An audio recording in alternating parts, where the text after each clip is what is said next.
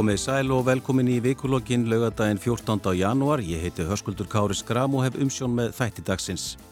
Það eru átök á vinnumarkaði, kjara viðraðum eblingar og samtaka atvinnlífsins var slítið í vikunni að óbreyttu hefjast verkvælsadgerir félagsmanna eblingar á almennum vinnumarkaði eftir tvær til þrjár vikur. Fjármála eftirlit Sælabankars tilur að Íslandsbanki hafi brotið lög þegar tæplega fjórðungslutu ríkisins í bankanum var seldur á síðasta ári. Málið er nú í sáttaferli en fjölmeilar hafa ekki fengið upplýsingar um hvaða lög, öllu heldur hvaða lög voru brotin. 13. gleði eigamanna var gaggrind í vikunni þegar í ljós komað heimagerð Tröllskessa var látin bera afskremda útgáfi af nafni baróttukonunar Eddu Fallag en hún hefur leitað til löðruglunar vegna málsins. Hinga til að ræða þessi mál og önnur eru komið þau Ingi-Björg Dögg Kjartansdóttir, reitstjóri heimildarinnar, Jökull Solberg Auðunsson, ráðgjafi og Ástildur Lóa Þóstóttir, þingmaður Flokksfólksins. Verið velkomin. Takk fyrir. Takk. Ingi-Björg, ég ætla að byrja á þér. Fyrsta tölublað heimildarinnar kom út í vikunni. Þú og Þórðursnær Júliusson eru reitstjórar en þessi fjölmið var til við saminningu Kjarnans og Stundarinnar. Í fyrstur í stjórnagreininni sem þið skrifið sameinlega talið þið um að það sé skekkja á íslenskum fjölmjölumarkaði. Er ástæði til þess að hafa áhyggjur af stöðu fjölmjöla á Ísland í dag? Já, það er náttúrulega ástæði til þess um, og það er náttúrulega ekki langt síðan að ég er að frangatstjóri fjölmjölunemndar varpaði fram þeirri spurningu í pissli og kjarnanem hvort að fjölmjölar á Íslanda ætti hefur höfuð einhverju framtíð fyrir sér, sko. Og ástæðan fyrir því að fólk uh, er að lýsa áhyggjum af fjölmjölum er náttúrulega fyrst og fremst uh, þetta hrun á, sem hefur orðið í tekjum til engar reygin af fjölmjöla þú veist að þetta viðhór sem að Íslendikar hafa tilengað sér með tilkomi fríblaða að þeir þurfu ekki greiða sjálfur fyrir fréttir.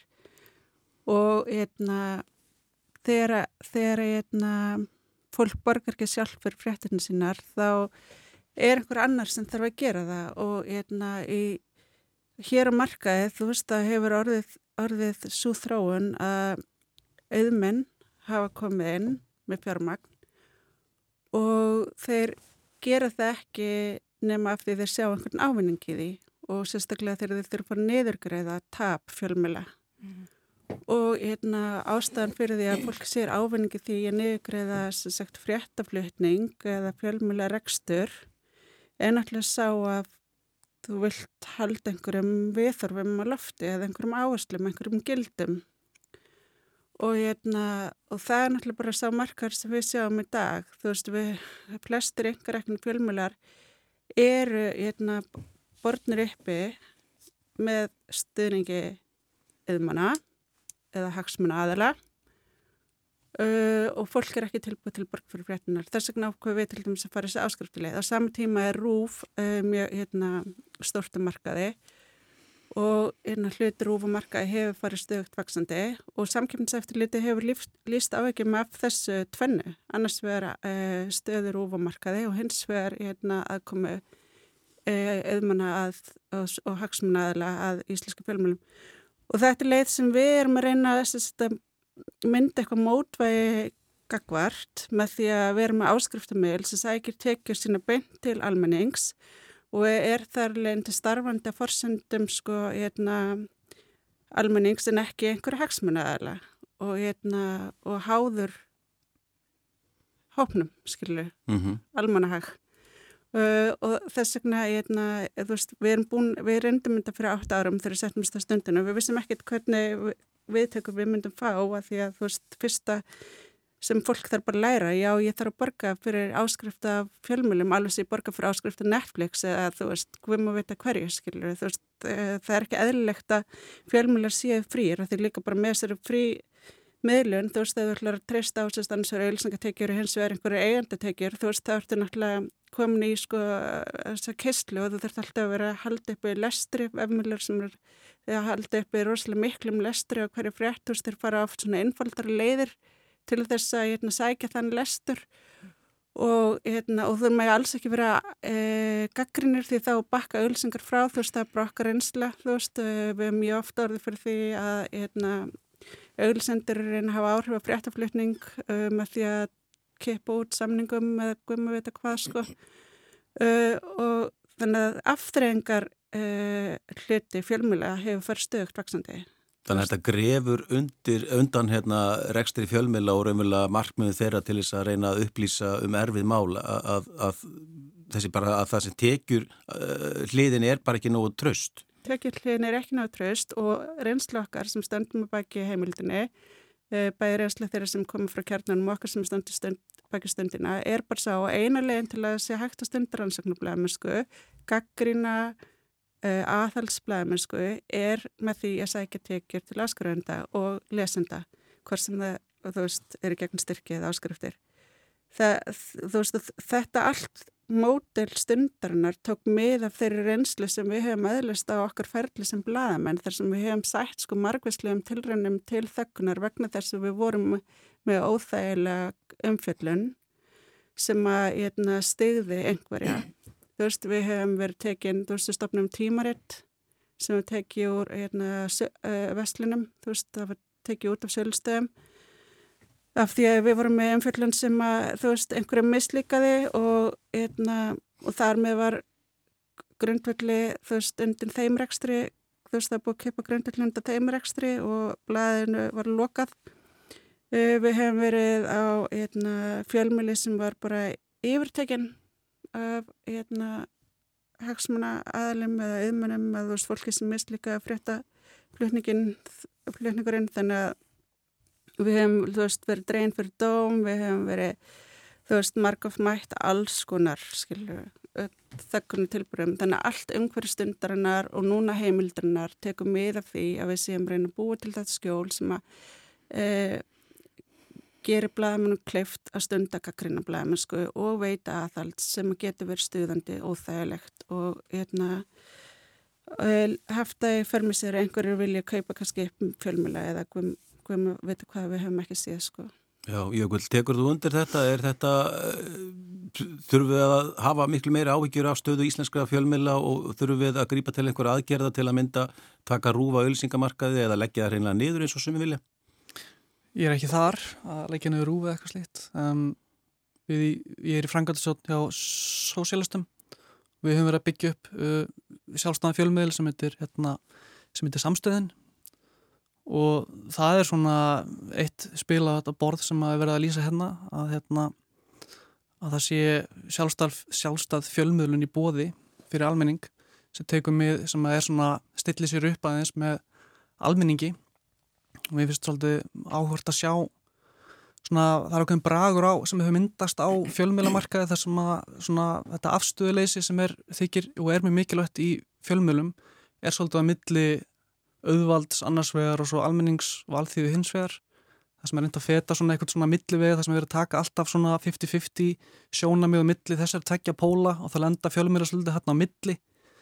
Og meðan að hérna auðvaldi er náttúrulega mjög lítill hópur og almenningur er stóru hópurinn þannig að það er á okkar mati margra allavega eina sósilista hefur vantað þessa röddinu markaðin og það er miðil sem er kerður áfram af hérna, sjálfstöð sjálf, uh, framlögum almennings og þetta er bæði hérna sjónastöð og, og nú komin frettæfur og svona þannig að vonandi hjálpar þetta eitthvað en En er þetta ekki bara gamla góða flokksmálgagnið eins og við munum eftir? Tíminn og, og þjóðvilin og alltíðublaðið og allt það þegar það voru bara beinlega stjórnmáluflokka sem voru að gefa út blöðin.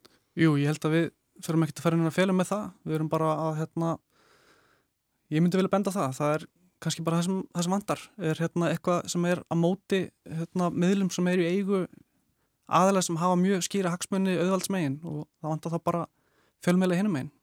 Ekki svona óháða fjölmeila eins og heimildin er? Jú, það er kannski bara svona, kannski myndi líka vilja svara svona hver munurinn er en hérna Munurinn ætlum bara að sá að við erum ekki við heldur með eina hérna, hagsmunni stjórnmála uh, þú veist, nein. Uh, við erum óháð bara allum hagsmunnaöflum, hvort sem það er varandi politík eða, eða hérna, annað í samfélaginu. Ástildu það hefur náttúrulega verið mikið talað um, uh, um rúf í þessu samingi þegar það verið að ræða stöðu fjölmiðla á Íslandi. Mm -hmm. ja, hver er ykkar afstæði í flokki fólksins? Viljið þið taka rúf á ylsingamarkaði? Haldið þið að það leysi þennan vanda eða er vandin stærri og meirinn það? Já, sko, ég held að sko rúf náttúrulega er rosalega ráðandi og rúf er að fá gríðarlega mikið frá ríkinu og hérna ég get alveg sagt það þegar maður horfur á, ég man ekki, 13 miljardar eða eitthvað, maður svona alveg, og er ekki að reyka sér fyrir það, þú veist mér, þetta er mjög mikið. Um, þá ertum við auðvilsingatekjur inn í því. Er auðvilsingatekjur inn í því, ok, en mann ekki alveg hvað, hvað þá kemur, en enguða síður að þá samt, samt sem áður, þá er Rúf náttúrulega alveg algjörlega með sérstöðu og er að fá miklu meira en allir aðrir. Um, mér langar aðeins að koma inn á þetta með hérna eh, flokksmila og hlutleysið og allt þetta vegna þess að sko ég hef stundum í gegnum tíðina vegna þess málið er að það er búið að gefa hérna út miðla eins og Ingebjörgar að benda á sem að eru kostaðir af hagsmunnaðilum en þeir gefa sig út fyrir að vera hlutlausir og þeir gefa sig út fyrir að skrifa, skrifa fréttir sem eru bara hreint ekki hlutlausar en samt gerðar út frá hlutleysi og svo kemur hérna Jökull og er að tala um samstöðuna sem er eins og þú bentir á bara flokksmálgagn. Ég hef stundum í gegnum tíðina hugsað, var þetta ekki bara hreitna þegar þetta voru bara flokksmálgagn og allir vissu, þú veist, þeir eru að skrifa út frá sjálfstæðisflokknum, þeir eru að skrifa út frá uh, hérna alþjóðbandalæinu og allt þetta, þannig að þú veist, þú bara vissir hvað fólk stóð. Ég hef mhm. stundum velt fyrir mér þessari skikju hlutleysi sem er sett yfir uh, fréttamennsku sem kannski er ekkit alltaf hlutlaus. Uh, þú veist, þannig að út af því henni er á bakvið tjöldin stjórnað af einhverjum hagsmunum. Um, en hérna en Það vart að gefa þér það að blaða að blaða og frettamenn láti stjórna sér. Um, Ég held að það var nú fréttamaður sem hætti henni svona stöð 2 og hann hætti með þeim orðum að nú þyrst hann ekki lengur, sagðan, að hann þyrsti nú ekki lengur að svara fyrir uh, hérna að, að leggja frétti sína fyrir einhverja, einhverja, einhverja eigendur. Ég man ekki alveg hvernig hann orðaði það, en hann gerði það og hann var aldrei spurður út í þetta sem ég muni. Þannig að hérna, ég held að sko, þú veist, þegar þú ert með eigendur og þú vinnaðin er undir, þá, þá þarf rosalega sterk bein til þess að standa undir því að, að hérna, segja bara, sagt, ég ætla bara samt að skrifa þetta. Þa, það er bara þannig. Ég held til dæmis, og nú náttúrulega kem ég úr þeim geira sem hérna, eða semst fyrir formaður hagsmunarsamtaka heimilina og náttúrulega e, fylgtist með fréttaflutningi frá eftir hrun og, og ég var nú bara reynd ekki par hrifin af því sem að ég sá, hvernig tala var til dæmis um e, okkur sem að e, bara horfum á lánin okkar fara, við, við vorum bara ábyrðalöst fólk og, og, og hérna, ég man ekki hvað og hvað og hvað. Og þetta var bara Veist, og þarna kom bara hver á fætur öðrum og talaði um þetta það, og, og einmitt samtök eins og haksmjölu samtök heimilina hafa átt mjög erfitt uppdráttar að komast í fjölmjöla, við komum mjög sjaldan farið í fréttir og, en við höfum farið svona, fáum svona förum í makasín þettina, við komumst í þú veist, hérna, Reykjavík síðdægis og svo leið sem er frábært en við höfum gert alls konar hluti og oft mjög bara merkilega fyrir aldrei fréttir. Þú veist, það er svona til dæmis af hverju ekki veist, við erum náttúrulega að berjast við, uh, við erum að berjast við auðveldið. Það er bara þannig. Og hérna, þannig að veist, það, það er alveg alls konar hliðar á þessum málum. Ég ætla ekki að ætla fréttamennum það að þeir séu ekki að, að vinna eftir, eftir samvinsku og, og, og allt það. Ég meina, við, við erum ekki að draga eitthvað, ég ætla ekki að fara að hérna, segja það um heila stjætt, alveg að sjálfsögð ekki. En einhverða síður, þetta hlýtur að skekja þegar að það eru eigandur á fjölmjölum sem að hafa áhrif að baka tjöldin og halda um fjármagnir vegna þess að fjármagnir bara stjórnar alveg gríðarlega mörgum. Já. Ég þetta, veit það ekki. Þetta eru stóru og þung orð. Já, ég, mér er snáttúrulega líka bara svolítið áhugavert í þessari umræði hérna. Það er komið fram þessi viðþorf sem að hérna, við heyrim svo oft að fjölmular getur en aldrei verið annað heldri en þú veist uh, einhvers konar málgagn einhverja uh, að það sé ekki hægt að reyka bara frjálsa óhafa fjölmulega og þess vegna er þess að til dæmis þegar við erum að reyna að hérna, halda út í fréttaflutningi þó stundarinnar á þeim forsendum að við séum áháð og við erum, sagt, erum áháð mm -hmm.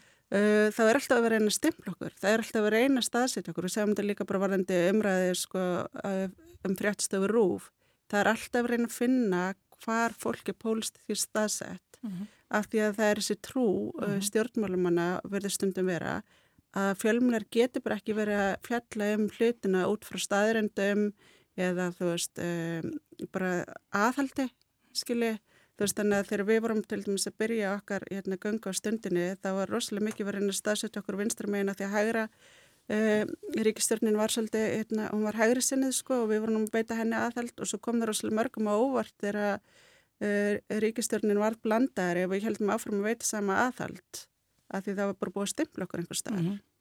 og þetta er ótrúlega rík tilneying og aðferð til þess að draga úr uh, vægi frétta.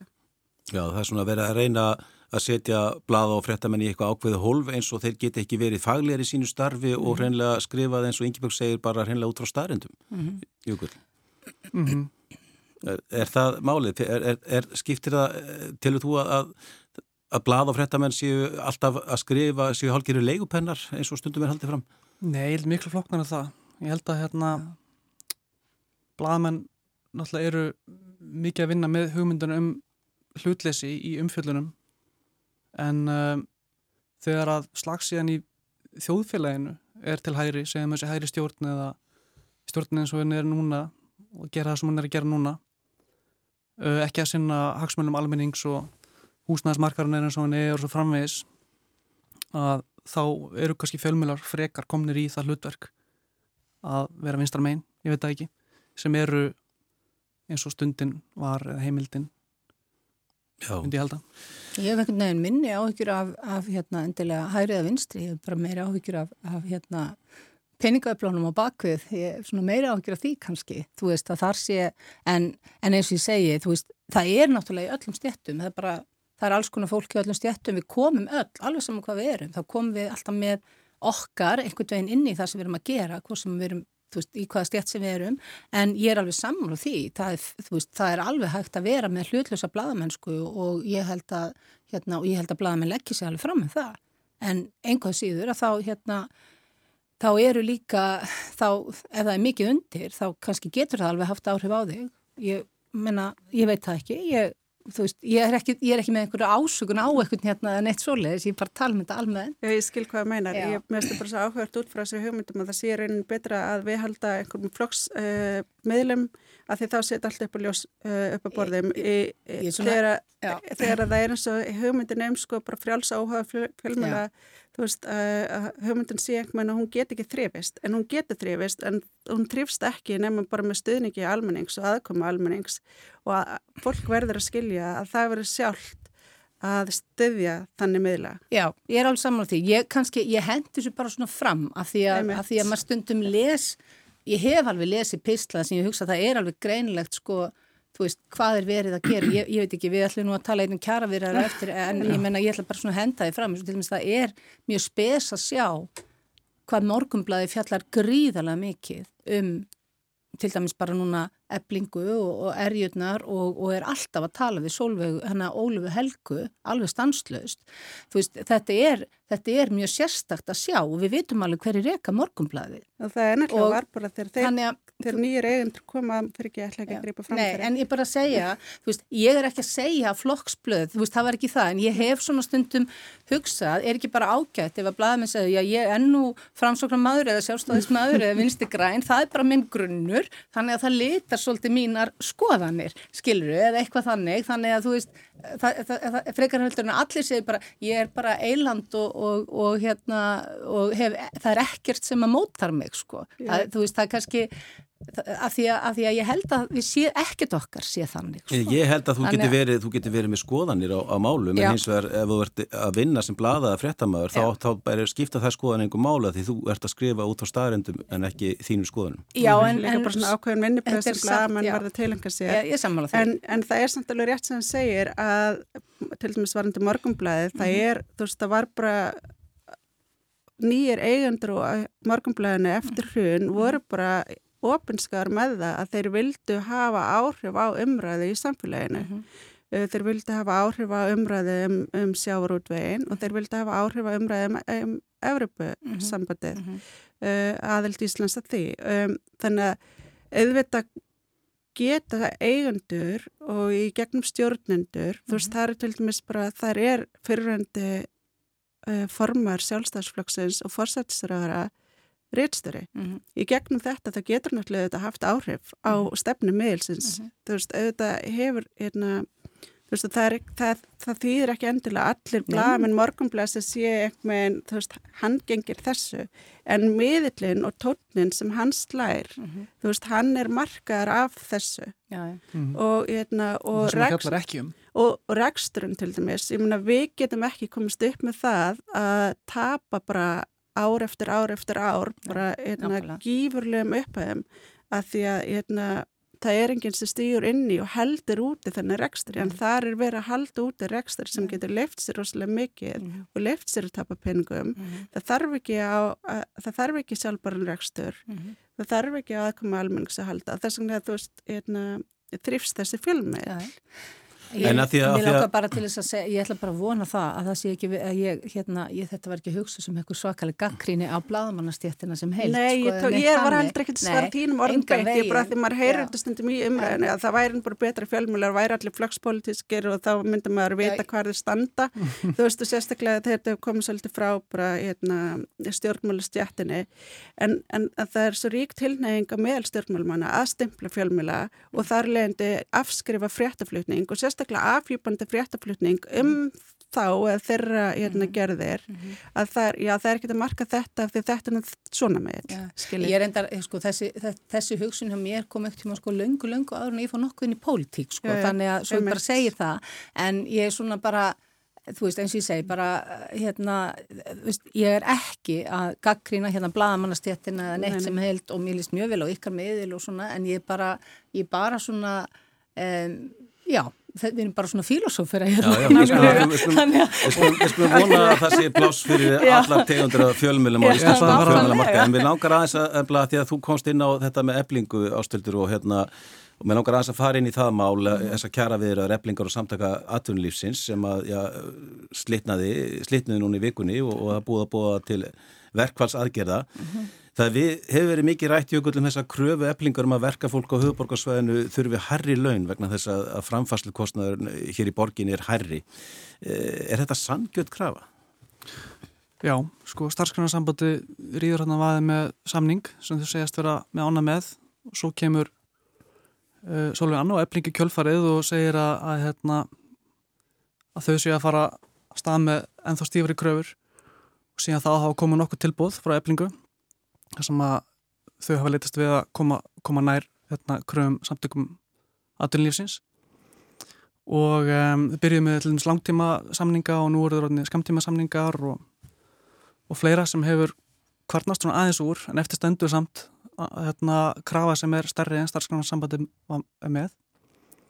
Og það má segja svona alveg til mikillir einföldunar bussi frá launatöflum og alls konar hlutum sem eru í þeim svona mismunandi tegjur í henni á milli þessara stættafélaga þá er einhvern veginn svona kannski þessu húsnæðisliði sem stendur upp úr og mikið af félagsmönnum í eblingu eru hérna, eiga búsötu á höfubarkasvæðinu og síðan hérna, lífskjara samlingarnir voru undritaðir þá hefur höfuð séð húsnæðisliðin svona eiginlega stjórnlust ver, verið að hækka og hækka og stjórnvöld sem hafa gert mjög lítið þrátt fyrir alls konar hérna, alls konar uh, svona hluti sem að þau ætla að gera og svo gerist bara mjög lítið.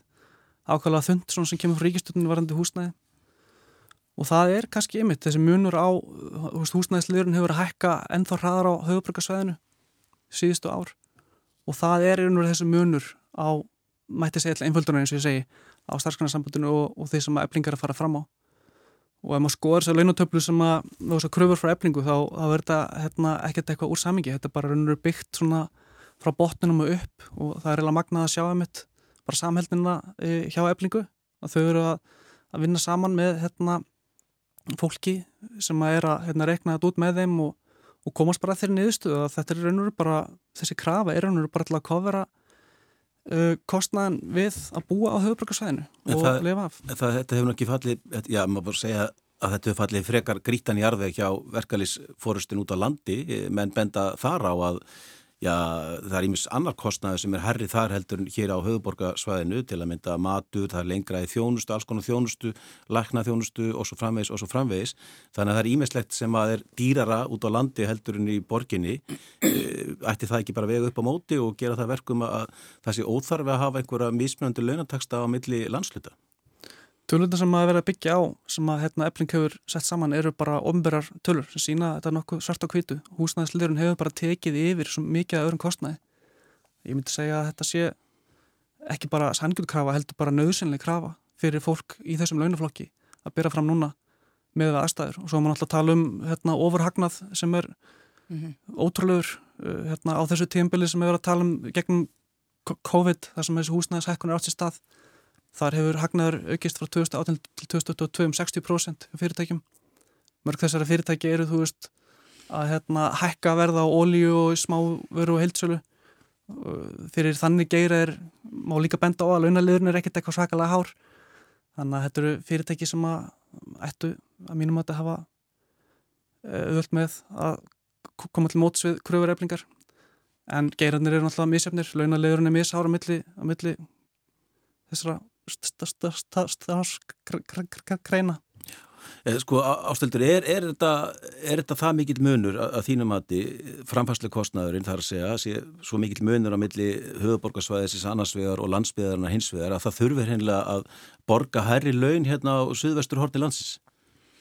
Já, veistu, ég bara ætla hérna að sko ég þóri bara ekki alveg að fara með það, hann, hann segir eblinga með tölur, ég hef séð einhverja tölur og, og ég held að hérna eh, held að eh, það sé kannski ekki þetta reyngja þær.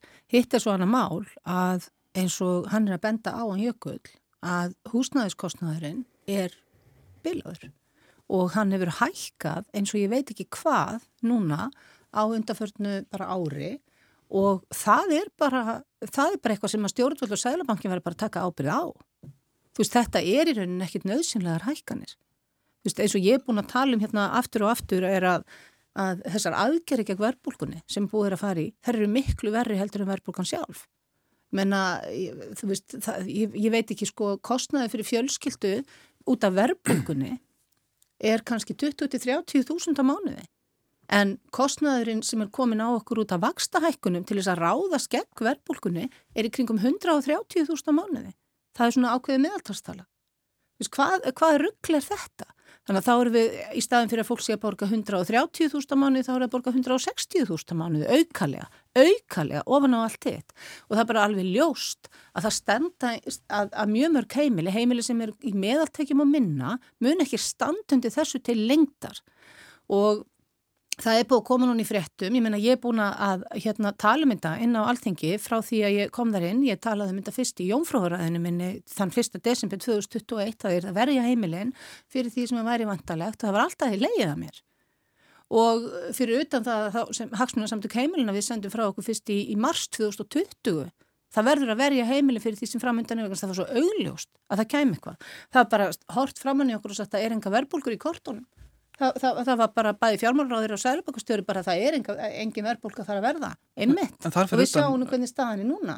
Hvað segir þú? En þarfir utan, ef maður skjóti inn í þá er bara þessi lenska að stjórnmálastétnin lítur ekki nógu mikið á verðlag sem sitt verkefni. Nei, það er þeim boltur oft kasta já, bara til sælabankans og, og hann ádýla við þetta. Nú erum við bara allir komin með einmitt að sælabankin að hann bara stjórnar því hvernig afkoma heimilina í landinu er með þessum vaksta hækkunum honum ber engin skilda til þess að hækka vexti. Það eru til aðra leiði til þess að berjast við verðbólku fyrir utan það að, að hérna, þetta, veist, þetta er bara glóruleysar aðgerir. Það er bytnað í fyrsta lagi vest á þeim sem sí skildi, þeim sem að minnst eiga og skulda mest og í öðru lagi þá hafa þær engin áhrif á innflutta verðbólku, ekki neyn sem að er stór hluti af þessu og í þriðja lagi þá hafa vakstahækkanir á öll án engin áhrif til þess að á, sem sagt, sem sagt, öll án þeirra sem eru ekkert að kaupa eða selja húsnæði veist, það, það, það hefur engin áhrif á fastegnumarkað sem er í tómi tjóni út það, á skorti. Þessum ástæðum sem að það voru gerðir hérna skamtímasamningar en ekki eh, langtímasamningar út af þessum vaksta hækkunum og verðbólku. Það, það sem ég hefur náttúrulega bara viljað sjá í þessu og ég held að ef að ef að hérna ég skulum bara orða þannig við náttúrulega höfum alveg séð það að, að hérna bæði Korki Sólvein í Ragnar voru neitt rosalega ána með þegar Vilhelm Birkesson samti fyrir starfsgrunarsambandið og, og rauf þarna ákveðna samstöðu. Þess að ég persónulega, ég held að þarna hefur verið farið í þetta. Það þarf að, það þarf að læka vexti, þannig að það er besta, það er besta að læka húsnæðiskostna, það er besta kjarabót sem getur veikt.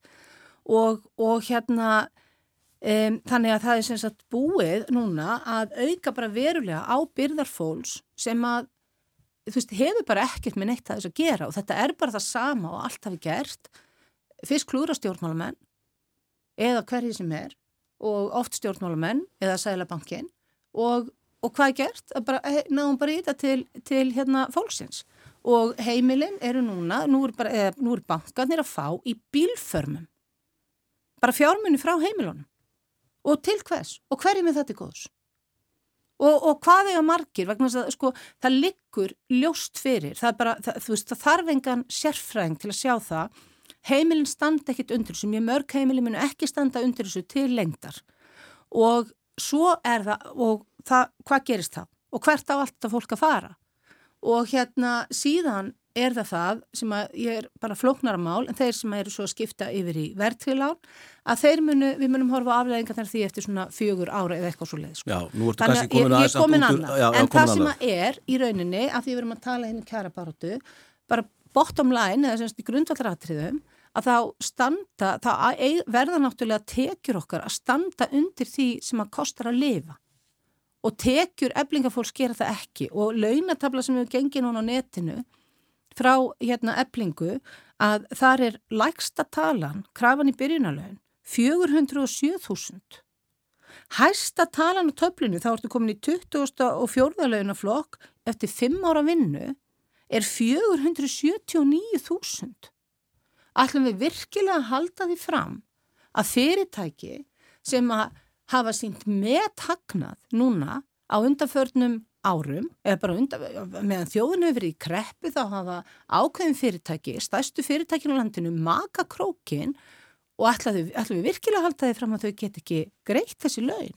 Og ef að fyrirtæki get ekki greitt laun sem að hægt er að vinna eða lifa af, ég menna já, þarf þá ekki eitthvað að skoða rekstur þeirra. Og ég er með þetta líka fyrir ekki og ég bara haldi því áfram að svo fekk, fengu þessi fyrirtæki líka gríðarlega fjármunni fyrirtæki sem hafa núna sínt 60% takna fengur gríðarlega fjármunni í styrki frá ríkin út á COVID. Múrtu að vísa í þessa könnun sem BHM let gera sem síndi, síndi að fyrirtækin, já, hagnaði fyrirtækina jógst um 60% á síðustu fjórum árum uh, áhugaverð könnun sem er byrti núna í vikunni. Mm -hmm. En Ingi Björg, hvernig metur þú þessa stöðu sem er á vinnumarkaði núna? Já, það, sko, saman tíma ég held að það hafi verið skynsalegt að semja til skamstur tíma þá, hérna, hef ég alltaf svolítið samúð með uh, fólki sem er á lagstu launum mm. að því mér finnst uh, algjörlega óháð efnahagsástandinu á Íslandi núna finnst mér alveg ótrúlega hvað hefur verið mikið umbyrðalindi fyrir því að fólk sem er í fullri vinnu ná ekki endum saman og þetta hefur bara verið einhvern veginn svona uh, viðgengis bara í mjög langan tíma mm -hmm. þetta er ekkert nýtt Uh, og það sem ég sá þegar ég sá myndir af fólki í, í svona bomberjökkum með svona borða þú veist um, við erum ómissandi. Þú veist það sem ég var að horfa á þegar ég sá þessa mynd þú veist það er fólk sem er að byggja um virðingu. Mm -hmm. þú veist það er bara og eitthvað með viðkenningu á tilvissinni. Og, og, hérna, og ég held að, að þú veist við hefum svo afsalega lengi í íslensku samfélagi eitthvað með lift okkur að hunsa fátakt fólks eða erfileika þeirra sem er eitthvað svona lagstur í stegunum mm -hmm. uh, á samme tíma við hefum litið upp til fólk sem hefur afslulega mikið og stu, við erum náttúrulega einhverja ástandi núna þar sem bankar og maturveslunir er að græða rosalega mikið uh, á meðan sko þriðjungur hérna, heimilina næri ekki endum saman mm -hmm. uh, og hérna, náttúrulega þess að stýrvaksta hækkanir er náttúrulega bara þú veist, fólk finnur fyrir þeim áþræfanlega þannig að hérna, þú veist, þetta er mér finnst enginn svona einföld leið út af þessu, þú veist, samtíma mér finnst svona skinn sem segja já, ok, gerum, hérna, reynum að halda verðbólkinu niðri um, semjum til skamstíma allt þetta þá get ég ekki annað en haft samúð með málstað þeirra Mm -hmm. Það er nefnilega svolítið merkelilt í þessu öllu saman á þess að ég sé að leggja eitthvað mat á þennan samning sem starfskannarsambandi gerði upphæflega e, það voru öll önnur félug skikku til þess að taka þennan samning það var eins og að eitt samningur átt að gilda fyrir alla mm -hmm. samtöku aðlýsis sagði já nú erum við búin að semja starfskannarsambandið þið verður bara að taka þennan pakka líka -hmm. e, Solveig hefur kvartað undir þessu og sagt að það, með þessu er náttúrulega að afnema samningarétt verkefælisfélag á Íslandi og, og það lítur bara út fyrir það að þú, það er bara sagt því að við erum búin að ramma þetta inn, við erum búin að leggja mm. línutnar, þið verður bara að taka þetta líka. Mm. Er, er þetta ekki svolítið óðalett jökul? Jú, mér er bara magnað að horfa upp á þetta. Þetta er hérna, það var alltaf, alltaf leið, þú veist, það hefur verið skýrti upp af að ebling hérna, er ekki að fara að semja með þeim. Þau sömdu þrjú saman lífskjara, undir lífskjara samningana sem þóttu vera ágættis samningar á sínum tíma og var mikil sátt með. Svo eh, var tekinn hérna, annar pótli hæðina núna og þá er ekki takt fyrir samtöku aðlunins að segja að mm -hmm. ebling eigi bara stígin í samningar sem búið að gera. Það er mjög auglust og þetta er eitthvað svona strategið sem lagt er upp með. Mm -hmm. Að byrja á að, á að fá hérna, taka Vilhelmin í herbyggi og semja þá og svo Ragnar og svo komið að Solveig Önnu og hún á eitthvað neginn að, að hérna, ganga stundir sömu samninga mm. að því að það er komið sterk fordami fyrir þessu og margir félagar búinir að fá sín samning og svo mhm. framvegis.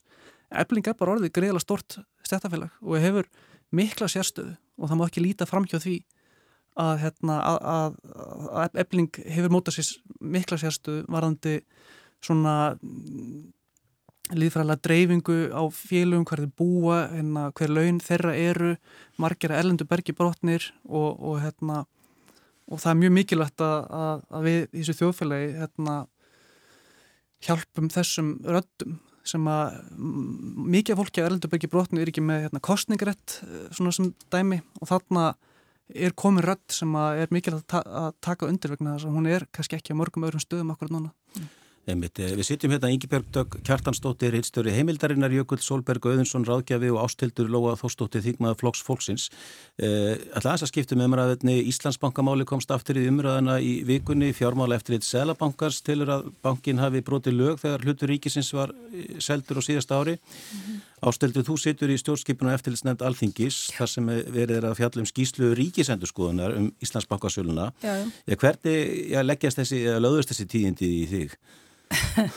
Ég var ekki hissa, við skulum orðaða þannig, ég var bara reynd ekki hissa, uh, ég hef ekki reyndar verið hissa á neinu af því sem hefur gerst í þessu máli frá því að banki var seldur og, og, og þó að hérna, ég spurði um alls konar af þessum hlutum sem að síðan var sagt að enginn spurðum uh, hérna, í efnaðs- og viðskiptanemnda á sínum tíma, þannig að ég sitt þar líka og ég spurði til dæmis og hvernig vitiði hver er á bakvið þú veist, tilbóðin, hvernig vitið hver er á bakvið einhver, hérna, einhverja sjóði sem kaupa, hvernig ætlið að tryggja það að þeir komi ekki bara útráðs á vikingana með, vikingana með peningana sem er upphálega tókur bönkunum og kaupa það tilbaka, þú veist, ég spurði um alltaf þessa hluti, ég leti ekki bóka það af því að ég bara, það er ekkit bókað með eitthvað svona sko, þetta er ekki fundakerðum en ég gerði það og það er alveg fólk sem að getur vota það, en hérna en sagt, þannig að ekkit í þessu hefur komið mér á óvart vegna þess að þetta er bara svona partur af einhvern veginn allt sem er í kringum fjármálafyrirtækin er einhvern veginn bara alltaf það er alltaf eitthvað mjög gruggugt í kringum það, það er alveg sama hvað það er veriðst vera. Og nú er eitthvað sáttaferli í gangi? Já, og nú kemur sagt, þetta, sagt, já, þetta sáttaferli, ég, sko nú veitum við ekki hver brotin voru, þau eru allavega nót til þess að Íslandsbanki taldi ástæði til þess að upplýsa kaupöllina um það að, og eins og þeim ber skilda til, allavega ef þeir sjá fram á að, skilst mér að það geti haft einhver áhrif og hlutabrifaverð. Um, e, þannig að þú veist, ég veit að ekki, mér, við vitum ekki um alvarleika brotana en mér finnst bara semst, já, sáttaferli, ég er mjög hissa á þessu, ekki það, þetta er samkvæmt lögum, en þetta, ma maður hlýtur að þurfa að spurja sig, þegar, sko, sko, þegar fjármálafyrirtæki brjóta lög, þá sleppa þau alltaf alveg gríðarlega létt frá því. Og svo skulum við heldur ekki gleyma því að fjármálafyrirtæki sem slík geta ekki broti lög, það er alltaf einhver, eitthvað fólk innan þeirra sem að brítu lög, en það ber aldrei neina ábyrð heldur, það er bara fjármálafyrirtækið sem slíkt og hérna við skulum alveg, skulum við bara tæla upp tvö dæmi. Fjármálufyrirtækin veittu í mörg ár fyrir hrun ólölu lán. Þegar að það kemur í ljós í hruninu þá er engin refsing, engar afleðingar, ekki neitt. En hverjir báru afleðingarnar af þessum brotum? Það voru fornalömp lögbrótana, þeir sem tóku lánin. Og hverjir hafa grætt á brotunum síðan? Fjármálufyrirtækin. Það er bara staðrind.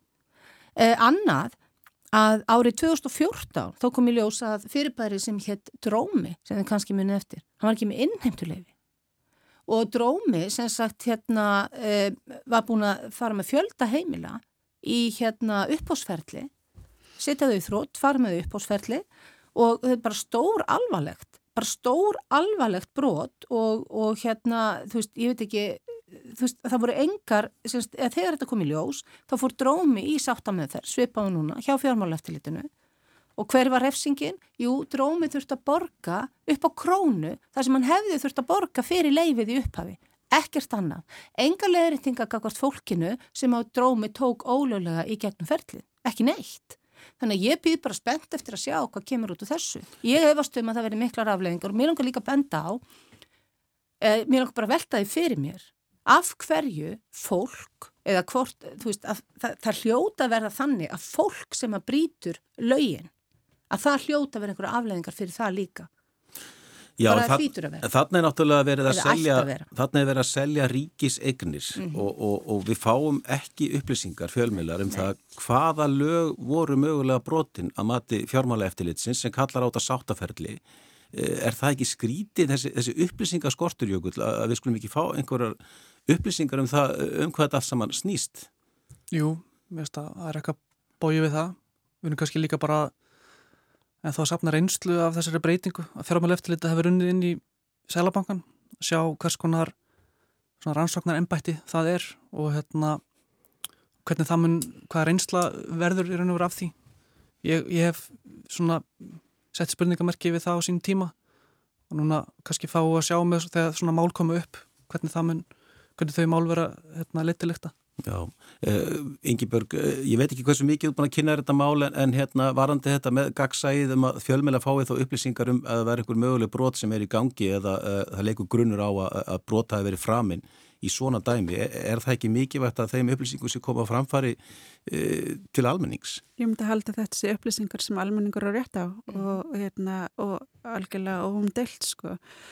Þannig að jú, mér finnst svolítið hérna, þessi lendarhyggja, hún er svolítið hérna, eh, líjandi til lengdar sko. Eh, Þú veist við sjáum líka bara varðandi allt þetta ferli hvaða var rosalega, hérna, þú veist, þurfti mikinn þrýsting til að fá einhverjar upplýsingar upp á borðið um, og hérna, þetta er bara of algengt í svona málum og það er of erfitt til dæmis fyrir fjölmjöla veist þeir eru að kalla eftir upplýsingum frá úrskur og nefndum upplýsingar, þú veist það tekur alltaf langar tíma uh, og hérna veist, uh, það er bara of mikil træða ég meni upplýsingarlega hafa ítrykkað verið brotin.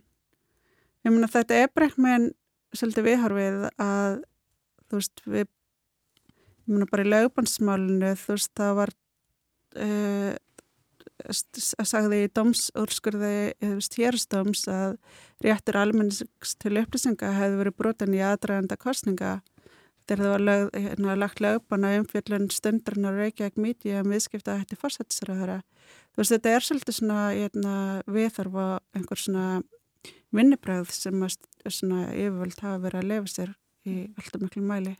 Þurfu þessar rannsótanemnd sem að því stjórnarnarstöðinu hafa verið að kalla eftir? Já, já, það, það er engin spurning og ég held að þessa síðustu frekni staðfesti það, að það þarf þessar rannsóknum nefnd. En mér langar aðeins, sko, ég, þú veist, þú veist, ef að ég brýt lög, þá er ég ábyrg fyrir lögum. Að ég, þó ég væri í vinnunni og ég væri sendi sendiför og ég myndi keira á milli staða og vera tekin, já, fyrir áfræðan rakstur eða í talum um drukkin eða eitthvað, þá er það mitt leifi. Veist, það, er, það er ég sem er að fá sekt og það er ég sem að missi próf eða hvernig sem það er.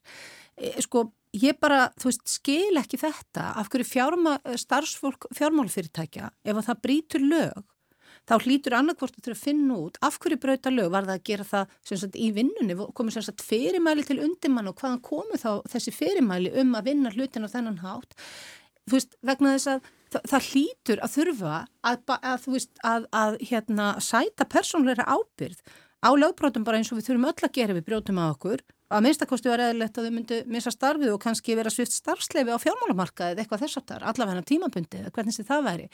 Ég held nefnilega sektir fyrir fyrirtæki eins og Íslandsbanka skipta engum mál, ekki neinu Það þurfa að vera gríðarlega háar, já, mitt sem þær eru aldrei, til þess að, að, að skipta þá einhverju máli.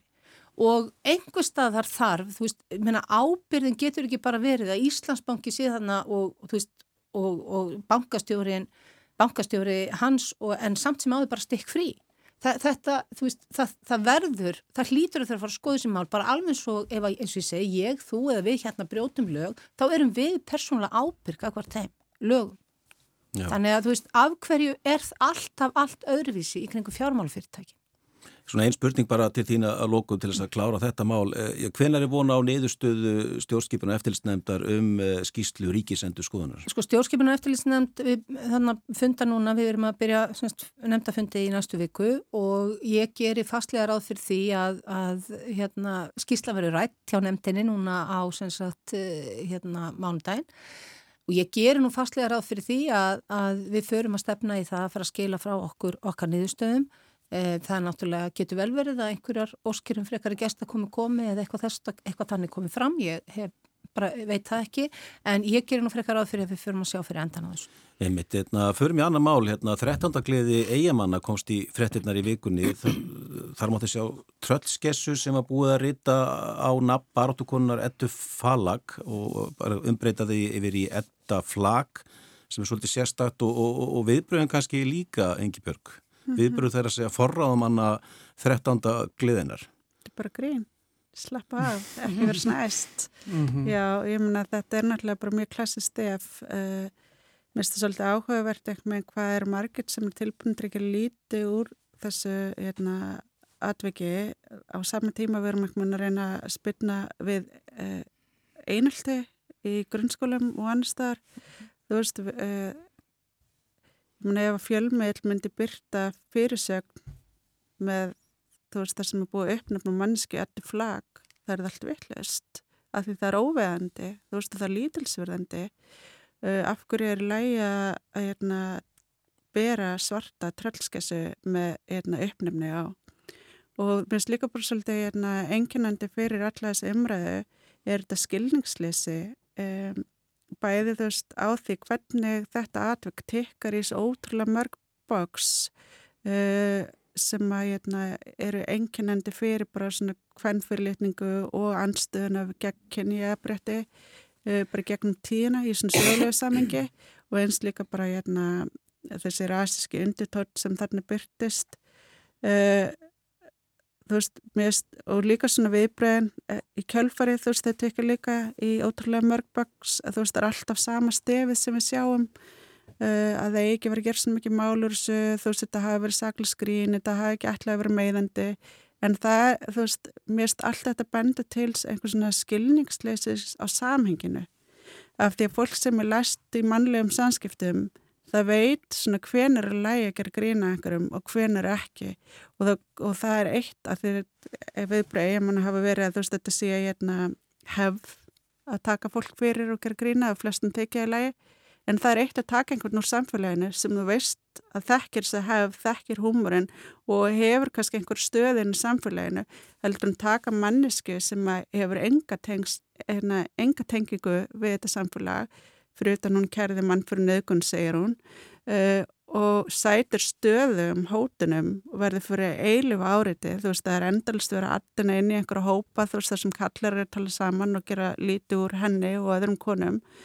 Uh, þú veist, það er endalist að tala um hana í aðtöðsandakerfum, skrifum hana ótrúlega ódýrar fréttir, uh, þú veist, taka hana fyrir hér og þar og allstaðar og hún er, sko, sætir líflatshótunum, nögunahótunum, uh, og fær engin viðbröð eða þú veist upplýður ekkert öryggi í, í viðbröðum þeirra sem eiga verndana. Þannig að þú veist að það er svo mikill munur á þessu þú veist uh, að taka heimi Hallgríms fyrir sem finnst allt í lægi og taka svo ettu falag fyrir um, í í ljósi samhengisins. Og mér finnst þetta samhengi svo áhugavert, mér finnst svo áhugavert hvað er lítið til vilji til þess að skilja þetta samhengi. Uh, en það er einhvern veginn, þú veist, líka bara þú veist að því við erum búin að vera talsvöldu um svona viðþórun sem búa baki því sem er að gerast hérna, uh, þannig er einhvern veginn eins og viðþóru sé að af því hún er að veita brota þölum vettvang til að tjá sig það sé alltaf að taka hana fyrir, skilju. Og það sé einhvern svona óhjákvæmulegur verilegi þeirra sem eru fjallum ábyldsverk að þurfa að sæta hérna, hótunum um ábyldi uh, það er ekki eðlilegt. Það er ekki þú veist, uh, réttleitilegt ég held að þú veist, aðrir sem að þú veist, eins og hún hefur sjálfbænt á ef ég væri þingmaður og það væri verið að hóta mér og uh, það væri ofinbyr samskipti þar sem væri verið að skipilegja refsaðger kakvart mér sem á félsti því að ég sé lokkuð upp í sendiferðabíl þar sem að hópur kalla allar að brjóta mér og taka upp myndband af því væri það þetta ekki alveglega, skilu þú veist, er þetta samþygt af því hún er augrandi eða þú veist, uh, ekki hún endilega heldur það sem störfin er, þú veist, þetta er vinnan hennar, þú veist, eiginkonur er vinnan hennar, það er vinnan hennar að veita fólki vettvang, þú veist, uh, og, og hérna, er það samþygt af því hún hefur veitt þetta skjól, skilur, fyrir þólundur að hún verði þá fyrir þess að takja af því það er líka sem áhagvart í þessu að ég er búin að vera að skoða þessar hótanir sem hún er verið að fá og það er svona stegmögnun sem verður þegar það er svona ábærandi mál sem komið dagskraf eins og til dæmis varandi vítalju það er etta falagorðin gerandi skilji og viðbröðin stegmögnast þú veist þá færist meiri þungi í hérna, umræðina þú veist þessi harka verður e, verri skilji hún verður meiri og þá einhvern veginn, þú veist, fara að stökka fleira á hann á vagn, skilji. Þannig að því ljósið fyrst mér þetta ótrúlega áhugaður mál, sko.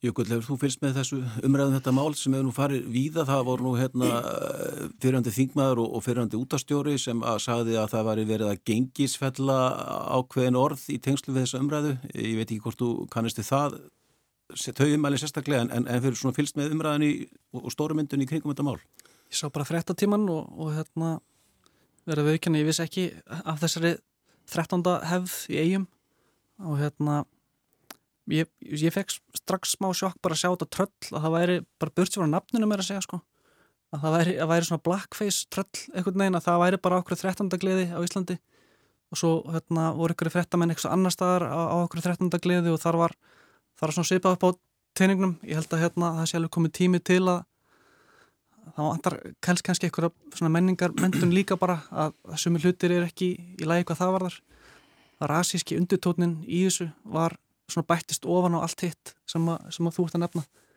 Já. og hérna það var það svolítið sláandi Ástildur, það var nú kollegið þín á Alþingi Simundur Daði Gunnlaugsson sem vildi meina að hann hafi þurft að þóla ákveð ofbeldi líka þegar hérna, það byrti skjáskot á samfélagsmiðlum þar sem að hann, eh, já, undir fyrirsöknir nokkrir merkir þjóðverðnissinnar og þar var mynda honum við hliðin á Benito Mussolini fyrirvöndi einræðsherra á Ítalíu og Adolf Hitler. Mm -hmm. eh, sko verða, eh, hva, þetta mál er svolítið svona Eh, fór svolítið umræðina eh, já, hvað finnst, finnst þér um þetta til þetta mál með, með Sigmund Davís og við nefnum það bara líka.